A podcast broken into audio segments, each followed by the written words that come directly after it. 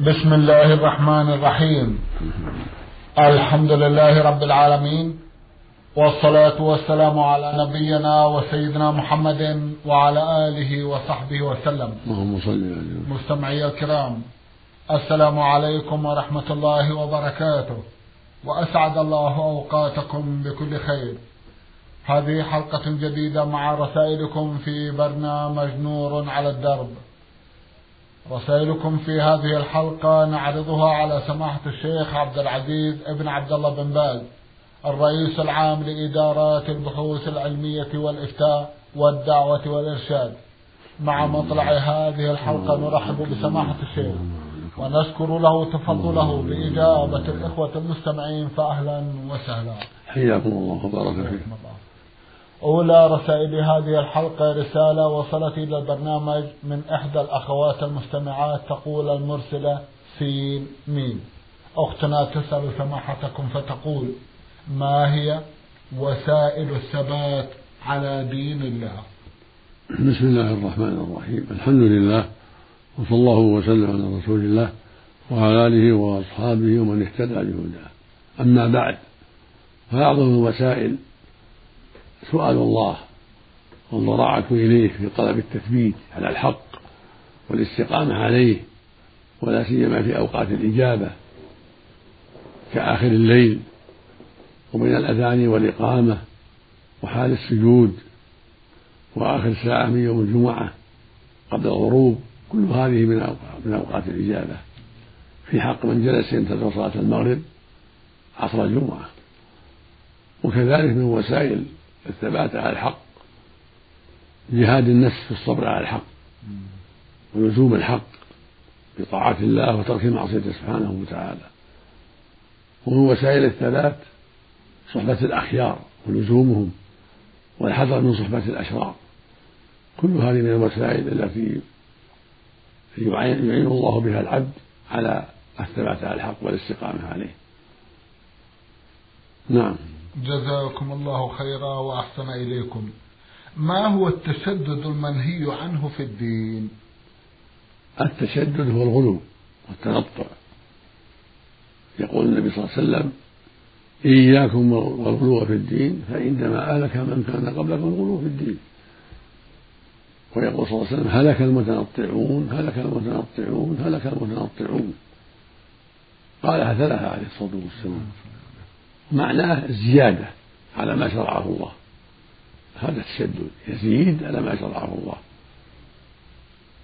ومن ذلك البناء على القبور اتخاذ المساجد عليها والصلاة عندها. الزيادة على ما شرع الله. شرع الله زيارتها والدعاء عليها بالمغفرة والرحمة. أما كون يبني عليها مساجد أو قباب هذا من وسائل الشرك هذا محرم. الرسول أنكر ذلك. ولعن اليهود والنصارى على فعل ذلك. والصلاة عند القبور من وسائل الغلو فيها والشرك. هكذا الزيادة على ما شرعه الله. كأن يتوضأ أكثر من ثلاث. هذا زيادة على ما شرعه الله. وكذلك كونه يستعمل في صلاته ما لم يشرعه الله. غير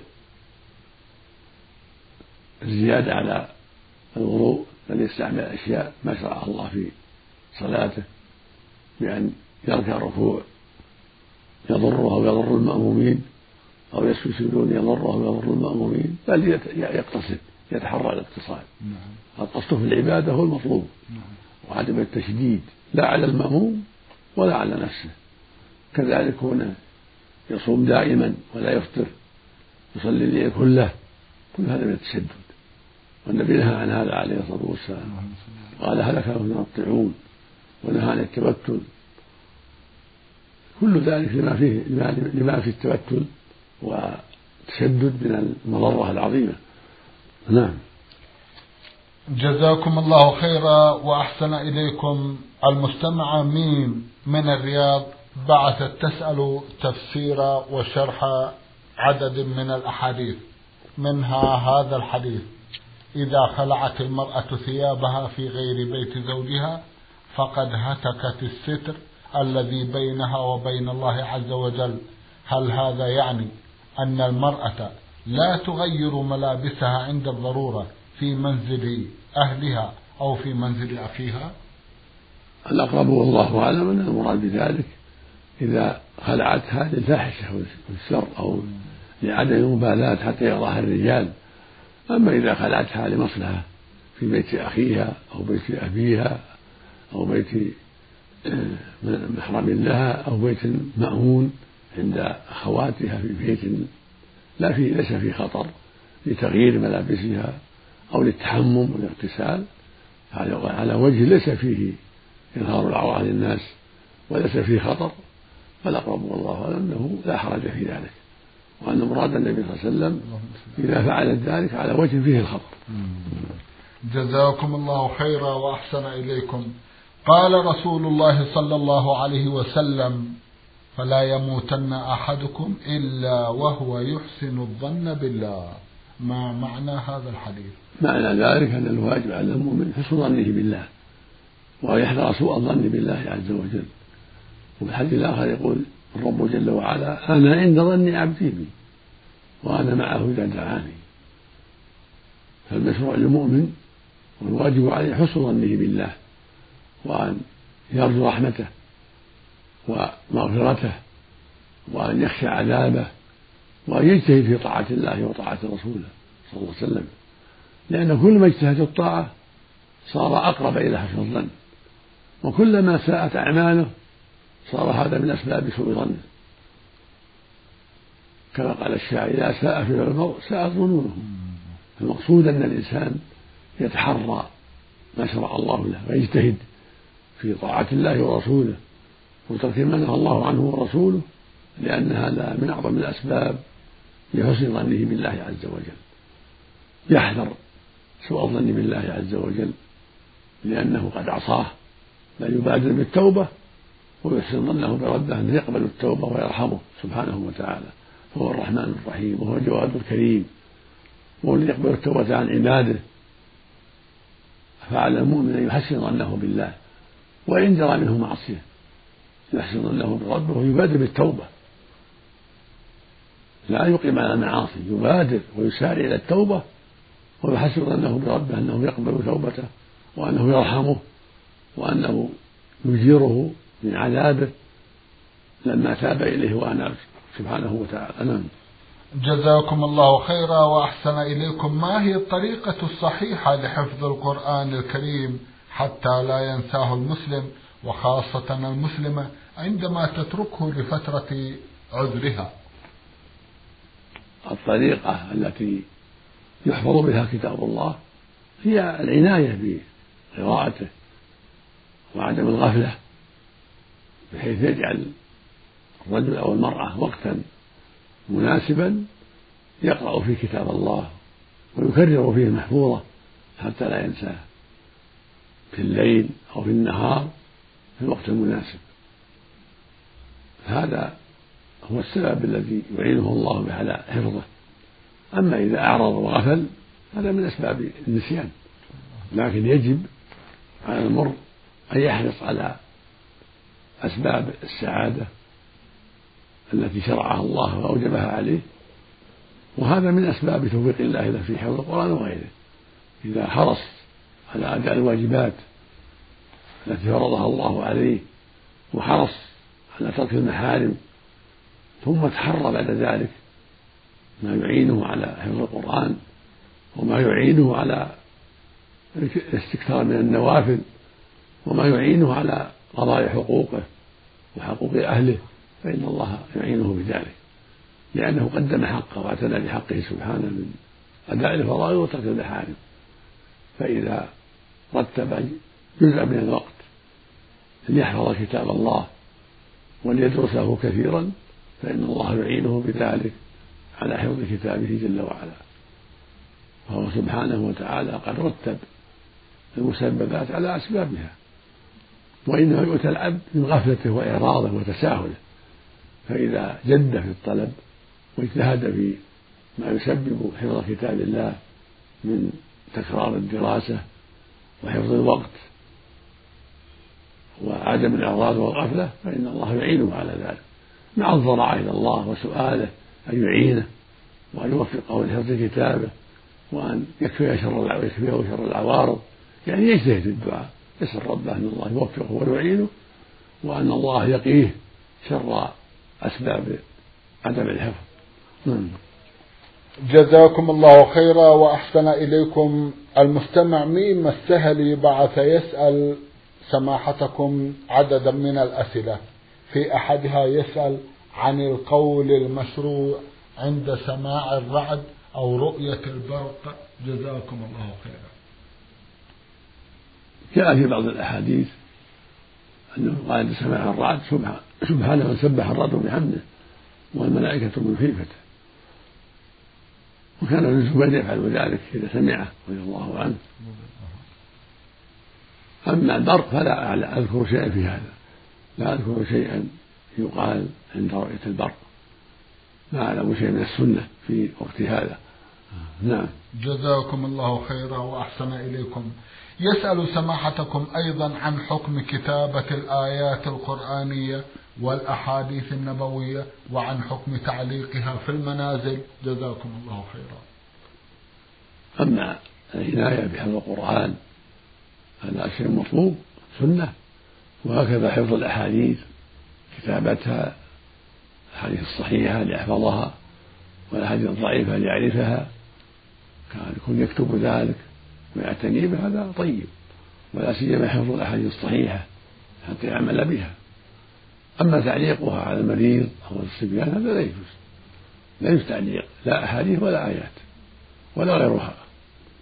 لا على المرضى ولا على الصبيان ولا على غيرهم. هذه التمائم التي حرمها الرسول صلى الله عليه وسلم عنها. وقال صلى الله عليه وسلم من تعلق تميما فلا أتم الله له. من تعلق تميما فقد أشرك. فلا يجوز تعليق التمائم لا من الآيات ولا من الأحاديث ولا من الدعوات الأخرى ولا من أي مادة. بل ذلك منكر لا يجوز. نعم. جزاكم الله خيرا وأحسن إليكم. رسالة بتوقيع أحد الإخوة المستمعين يقول طالب علم من جدة.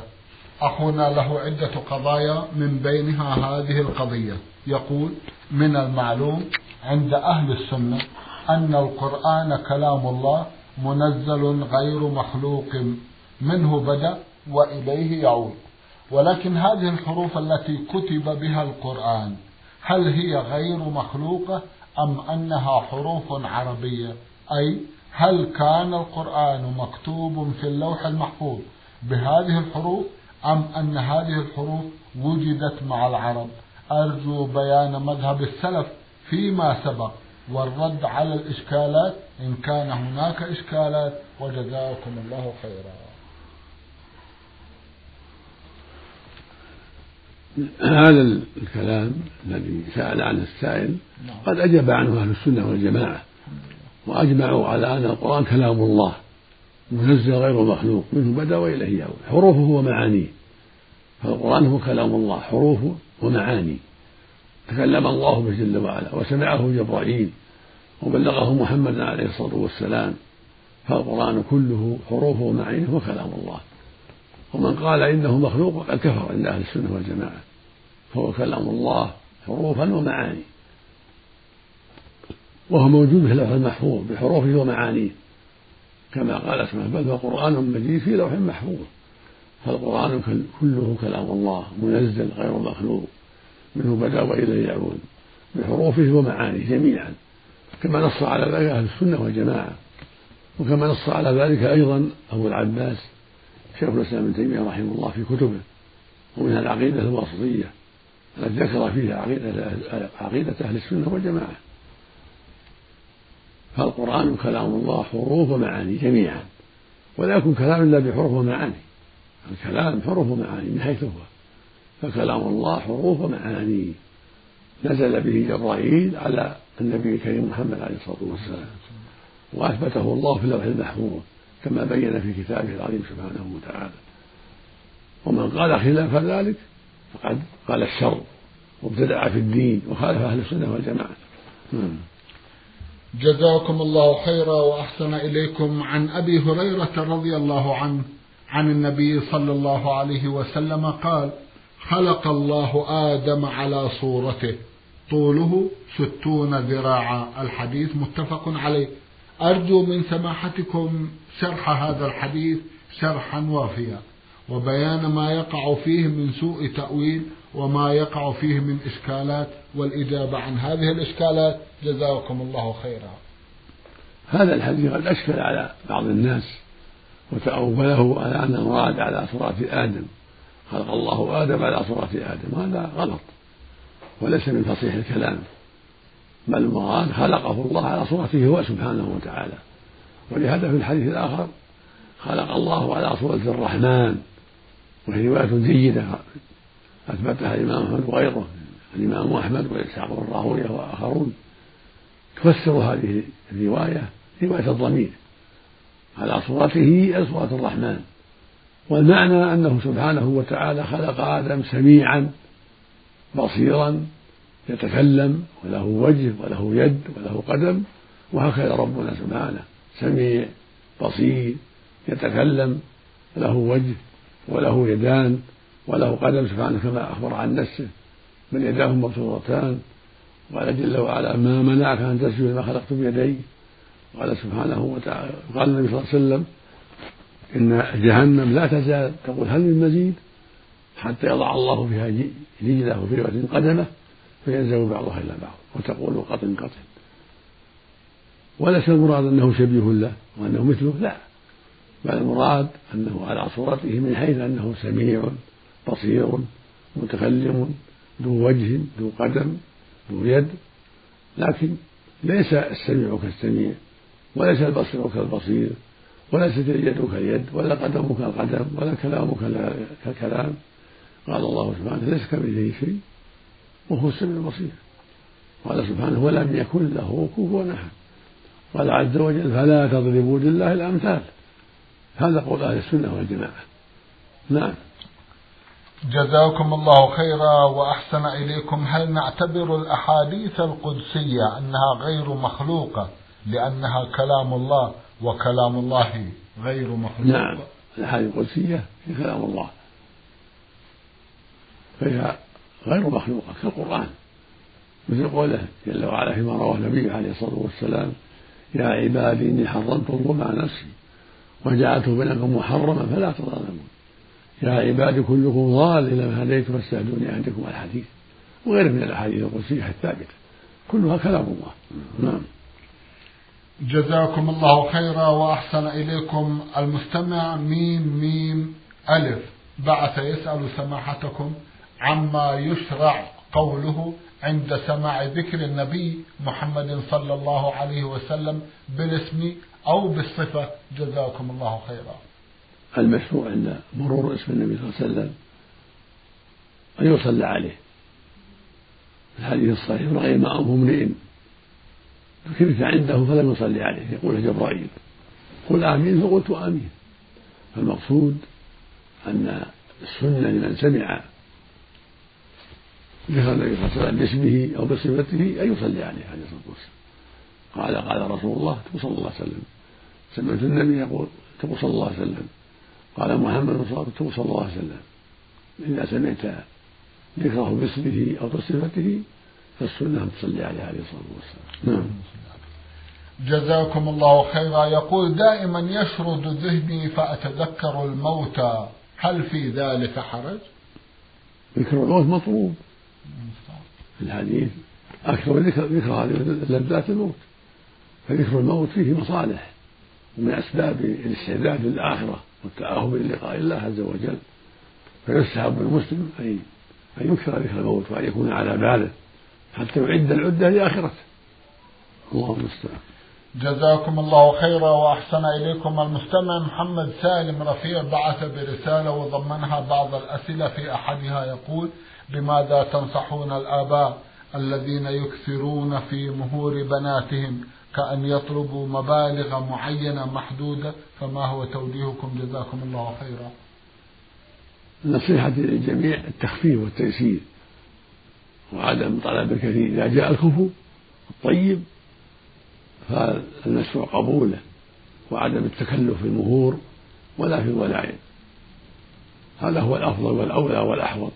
لما في ذلك من تكفير الزواج وإعفاف الرجال والنساء جميعا وكثرة الأمة فالمشروع لأولياء النساء وللنساء أيضا أن يتعاونوا في التخفيف. وعدم المطالبة بالمهور الكبيرة أو بالولائم الكبيرة التي قد تشق على الزوج وأهل المرأة. خير الصداق أيسره فالمشروع التسهيل والتسهيل. نعم. جزاكم الله خيرا وأحسن إليكم. هل تقترحون مبلغا معين؟ سماحة الشيخ. ما جاء في الشرع حد محدود لكن يختلف هذا بحسب العرف. حسب تغير الأحوال والبلدان والمؤونات. نعم. فيستحب التخفيف حسب الطاقة حسب التيسير جزاكم الله خيرا. إذا لا تقترحون مبلغا معينا ما أقترح شيء معين إنما التسهيل والتيسير بارك على حسب الأحوال. بارك الله فيكم وجزاكم الله خيرا. أسأل سماحتكم عن صلاة صليتها وتذكرت أنني صليتها بدون وضوء. كيف أتصرف؟ عليك أن تقضيها. عليك أن متى ذكرت ذلك؟ عليك أن تقضيها. نعم. جزاكم الله خيرا وأحسن إليكم. من مكة المكرمة رسالة بعثت بها إحدى الأخوات تقول المرسلة ميم. هل يجوز للمرأة إذا أعطاها زوجها مصروف البيت وبقي من المصروف شيء؟ هل يجوز لها أن تتصدق بالباقي بدون إذن زوجها؟ جزاكم الله خيرا. الأقرب والله أعلم فلا بد من إذن. إذا بقي شيء تستأذنه. نعم. إحدى الأخوات المستمعات تسأل سماحتكم فتقول ما حكم وضع الشعر للفتاة بالطريقة المائلة للتجميل؟ هل يجوز ذلك؟ وما حكم ما وضع ما يسمونه الكعكة المرتفعة في البيت وعند المحارم؟ وهل يدخل هذا العمل في قول الرسول صلى الله عليه وسلم عندما وصف النساء اللاتي من الأصناف التي لم يرها وهن المائلات المميلات ورؤوسهن كأسنمة البخت المائلة جزاكم الله خيرا. الأفضل فيما أعلم أن تكون الفرقة في وسط الرأس حذاء الأنف لا تميل هكذا ولا هكذا. أما ما جاء في الحديث فالمراد به الميل عن الحق. صنفان من أهل النار حديث الصحيح يقول النبي صلى الله عليه وسلم صنفان من أهل النار. لما راه لما راهما رجال بأيديهم سياط يضربون بها الناس ونساء كاسيات عاريات مائلات مميلات رؤوسهن كأسر البخل المائلة لا يدخلن الجنة ولا يجد ريحها هذا الحديث الصحيح فيه التحذير من ظلم الناس بغير حق ولهذا ذم هؤلاء الذين بأيديهم سياط يضرب بها الناس يعني بغير حق. نعم. سواء كانوا شرطة أو غيرهم. لابد. في ضرب الناس من الدليل الموجب لذلك بحكم الحاكم الشرعي أو بتعزيز ولي الأمر. أما ضرب الناس بغير حق هذا من أعظم الظلم الذي حرمه الله. فلا يجوز ضرب الناس إلا بدليل بحكم حاكم أو بولي الأمر الذي يرى فيه المصلحة للمسلمين لكون المضروب فعل ما يوجب ذلك. وأما النساء فالواجب عليهن أيضا التستر وأن يكن كاسيات كسوة ساترة فالكسوة التي فيها ظهور العورة لرقتها أو قصرها هذه عارية ليست كسوة في الحقيقة. ولهذا قال نساء كاسيات عاريات يعني عليهن اسم كسوة لكنها كسوة غير ساترة إما لرقتها وإما لقصارها هذا لا يجوز هذا منكر. ولهذا توعدهن بالنار. وهكذا مائلات مميلات معناه مائلات عن الحق والعفاف إلى الفجور والفساد وهكذا مميلات يعني يميلن غيرهن من النساء إلى الباطل والشر. فهن مائلات في أنفسهن عن الحق مميلات لغيرهن إلى الباطل فلهذا استحقن النار والعاقبة السيئة. أما قوله رؤوسهن كأسنة بخت المائلة فهذه علامة عليهن. قال بعض أهل المعنى أن يضخمن رؤوسهن يجعلن عليها اللفائف والشيء الكي يكبرها. هذه من علاماتهم. أما الكعكة فلا يظهر لي أنها هي المرادة بهذا الحديث. لأنها ما يكون ما فيها تضخيم للرأس يعني قليلة كالشعر قليل يجعل بين في وسط الرأس أو في أسفل الرأس. لكن كونها تتركه جدائل مطروح مبذول يكون أولى وأفضل وأبعد عن الشبهة. تترك رأسها يعني منجدل على ظهرها نعم. أو بعضها على ظهرها وبعضها على قرنيها على جانبيها. هذا يكون أولى يكون لها جدائل ضفائر قرنان والناصية تكون وراء. يكون هذا أفضل وأحوط وأجمل أيضا.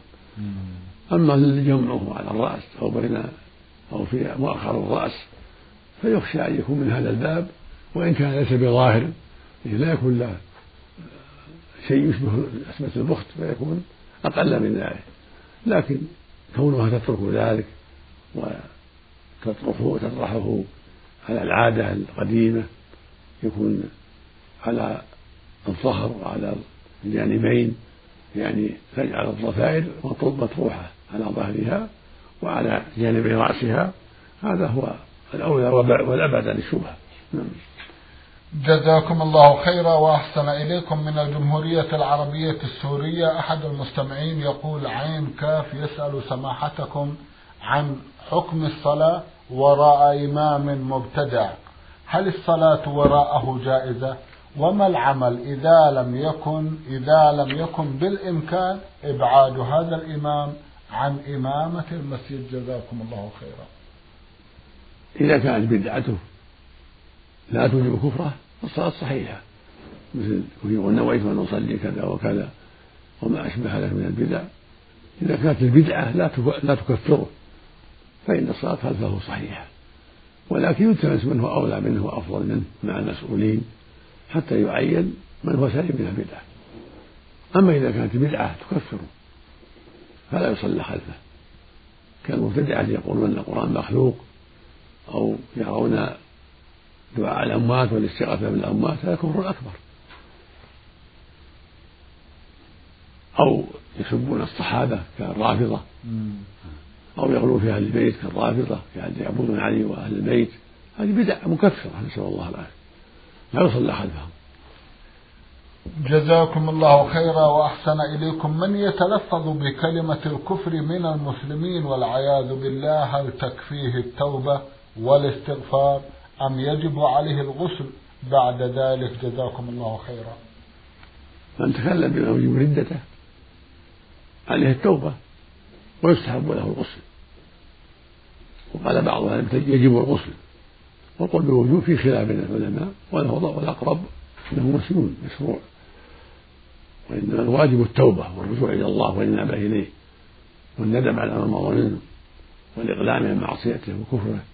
والتوبة إلى الله من ذلك بالعزم الصادق ألا يعود في ذلك وبذلك يتوب الله عليه. قال تعالى وتوبوا إلى الله جميعا أيها المؤمنون لعلكم تفلحون. وقال النبي صلى الله عليه وسلم التائب من الذنب كمن لا ذنب له. فإذا تكلم بكفر بأن سب الدين أو تنقص بالدين أو سب الصحابة أو ما أشبه ذلك يجب البدع بالتوبة. وإذا علم ولي الأمر وثبت لدى ولي الأمر ذلك وجب أن يعزر ويؤدب ولو تاب. فإن أصر ولم يتب وجب قتله مرتدا نسأل الله العافية. المقصود إذا أتى بناقض من نواقض الإسلام ثم تاب إلى الله توبة صادقة تاب الله عليه مطلقا جميع الذنوب. الله يتوب عليه. لكن بعضها فيه خلاف من جهة قبولها في الحكم الشرعي هل يقتل أو ما يقتل. أما فيما بينه وبين الله فكل من تاب إلى الله تاب عليه إذا استوفى الشروط وأخلص في التوبة وصدق فيها فالله يتوب عليه من كل ذنب حتى الشرك. لكن هناك أمور قد توجب قتله وإن تاب كسب الله وسب الرسول صلى الله عليه وسلم والسحر فإن جمع من أهل العلم قالوا لا يستتاب في هذا بل يقتل. لأن شره عظيم فتنته كبيرة. لكن توبته فيما بينه وبين الله صحيحة إذا كان صادقا فيما بينه وبين الله. نعم. جزاكم الله خيرا وأحسن إليكم سماحة الشيخ. في ختام هذا اللقاء توجه لكم بالشكر الجزيل. بعد شكر الله سبحانه وتعالى على تفضلكم بإجابة الإخوة المستمعين. وآمل أن يتجدد اللقاء وأنتم على خير. نرجو ذلك. مستمعي الكرام كان لقاؤنا في هذه الحلقة مع سماحة الشيخ عبد العزيز ابن عبد الله بن باز الرئيس العام لإدارات البحوث العلمية والإفتاء والدعوة والإرشاد. شكرا لسماحة الشيخ. وأنتم يا مستمعي الكرام شكرا لحسن متابعتكم وإلى الملتقى. وسلام الله عليكم ورحمته وبركاته.